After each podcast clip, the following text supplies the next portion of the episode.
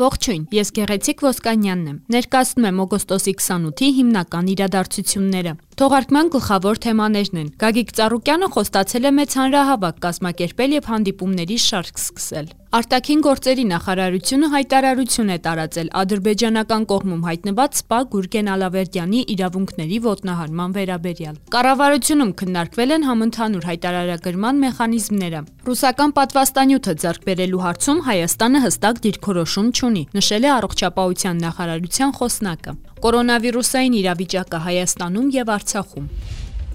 Ընտրակաշարք տալու կազմակերպման համար մեղադրվող Բարգավաճ Հայաստան կուսակցության առաջնորդ Գագիկ Ծառուկյանը պատրաստվում է մեծ հանրահավաք կազմակերպել։ Եվ խորհրդարանի առաջիկա նստաշրջանին ընթരാճ հանդիպումների շարք սկսում կուսակցության տարածքային կառույցների ներկայացուցիչների հետ։ Սեպտեմբերին ազգային ժողովի առաջին նիստն է լինելու, որտեղ մենք բարձրաձայնելու ենք ժողովրդին հուզող խնդիրները։ Այսօր խնդիր չկա, որ լուծում չունենա։ Միայն հարկավոր է տիրապետել խնդիրներին եւ դրանց լուծումները տալ ըստ մեր պետության հնարավորությունների։ Բարգավաճ Հայաստան կուսակցության Կոտայքի մարզի ակտիվի հետ հանդիպման ժամանակ ասել է Բարգավաճ Հայաստան կուսակցության առաջնորդ Գագիկ Ծառուկյանը։ Հանդիպման տեսանյութը ներկայացված է Գագիկ Ծառուկյանի Facebook-յան էջում։ Գագիկ Ծառուկյանը նշել է, որ իրենց երիտասարդական կառույցի ներկայացուցիչները ժողովրդից հետաքրքրվել են կրթական փոփոխությունների մասին։ 90-ից 95%-ը դեմ է դրանց։ Մենք ստորագրություններ ենք հավաքելու, մեծ հանրահավաք ենք կազմակերպելու։ Ով չի ուզում, որ եկեղեցու դասընթացները հանվեն, սեռական դասընթացներ անցկացվեն, հայ գրականությունը, հայոց պատմությունը հանվի, հայ բառը հանվի,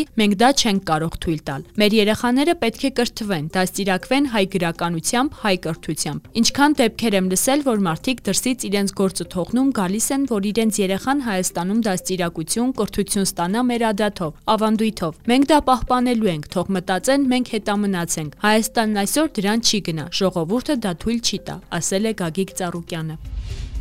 Հայաստանի Հանրապետության արտաքին գործերի նախարարությունը օգոստոսի 27-ին հայտարարություն է տարածել Ադրբեջանի իրավազորության ներքո հայտնված սպա Գուրգեն Ալավերդյանի իրավունքների ոտնահարման վերաբերյալ, նշելով, որ իրենք խստորեն դատապարտում են սպա Գուրգեն Ալավերդյանի հանդեպ կիրառվող նվաստացնող վերաբերմունքը, ինչը միջազգային մարդասիրական իրավունքի բացահայտ եւ կոպիտ խախտում է։ Գուրգեն Ալավերդյանի արժանապատվության հրապարակային ոտնահարմամբ Ադրբեջանը մերժում է քաղաքակիրթ մարդկության կողմից հանրահրճ հռչակված ռազմագերիների ցանկացած հանգամանքներում իրենց անձի եւ պատվի նկատմամբ հարգանքի իրավունքը, որն ամրագրված է Ժնևի 3-րդ կոնվենցիայով։ Նման գործելակերպը բնորոշ է տխրահրճակ ահաբեկչական խմբավորումներին եւ ինչպես կարող ենք արձանագրել նաեւ Ադրբեջանին։ Պարզունակ քարոշչության հնարանքներով սեփական ժողովրդին կերակրող Ադրբեջանի բռնապետական ռեժիմն իջել է այն մակարդակին, որ հուլիսյան մարտերում սեփական բանակի լուրջ անհաջողությունները կոչկում են ռազմակերում պարտադրված շինծու տեքստերով, ասված է հայտարարության մեջ։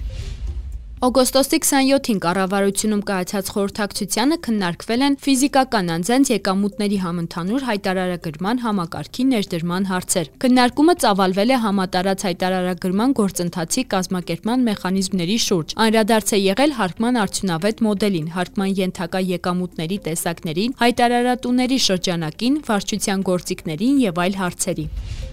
Հայաստանը կորոնավիրուսի դեմ ռուսաստանյան պատվաստանյութը ձեռք բերելու համար չի դիմել։ Այս մասին Civilnet-ի հետ զրույցի ընթացքում ասել է առողջապահության նախարարության խոսնակ Ալինա Նիկողոսյանը։ Նրա խոսքով նախարարությունը դեռևս հետևում է այն բոլոր երկրներին, որոնք կորոնավիրուսի դեմ պատվաստանյութեր արտադրելու, փորձարկելու փուլում են գտնվում։ Դեռևս հստակ դիրքորոշում այդ հարցով Հայաստանը չունի, հավելել է խոսնակը։ Ըստ Ռուսաստանի Դաշնության փոխվարչապետի կորոնավիրուսի դեմ ռուսաստանյան պատվաստանյութը ձեռք բերելու համար դիմել է 27 երկիր, այդ թվում Բելարուսը, Ադրբեջանը, Ղազախստանը։ Վլադիմիր Պուտինը հայտարարել է, որ պատվաստանյութը առաջիններից կստանա Բելարուսը։ Ռուսաստանյան պատվաստանյութը մշակել է Նիկոլայ Գամելեայի անվան համաճարակաբանության եւ մարիաբանության գիտահետազոտական ինստիտուտը։ Այն ստացել է Սպուտնիկ 5 անվանումը։ Կազմված է 0.5 միլիգրամանոց երկու սրվակներից, առաջին եւ երկու բաղադրիչներով։ Դեղը ներարկվում է միջմկանային տարբերակով։ Հայաստանում օգոստոսի 28-ի դրությամբ հաստատվել է կորոնավիրուսի 181 նոր դեպք։ 276 մարդ առողջացել է, մահացել է 5 մարդ։ Բացասական թեստերի թիվը 1565 է։ Դրական է կատարված թեստերի 10.3%-ը։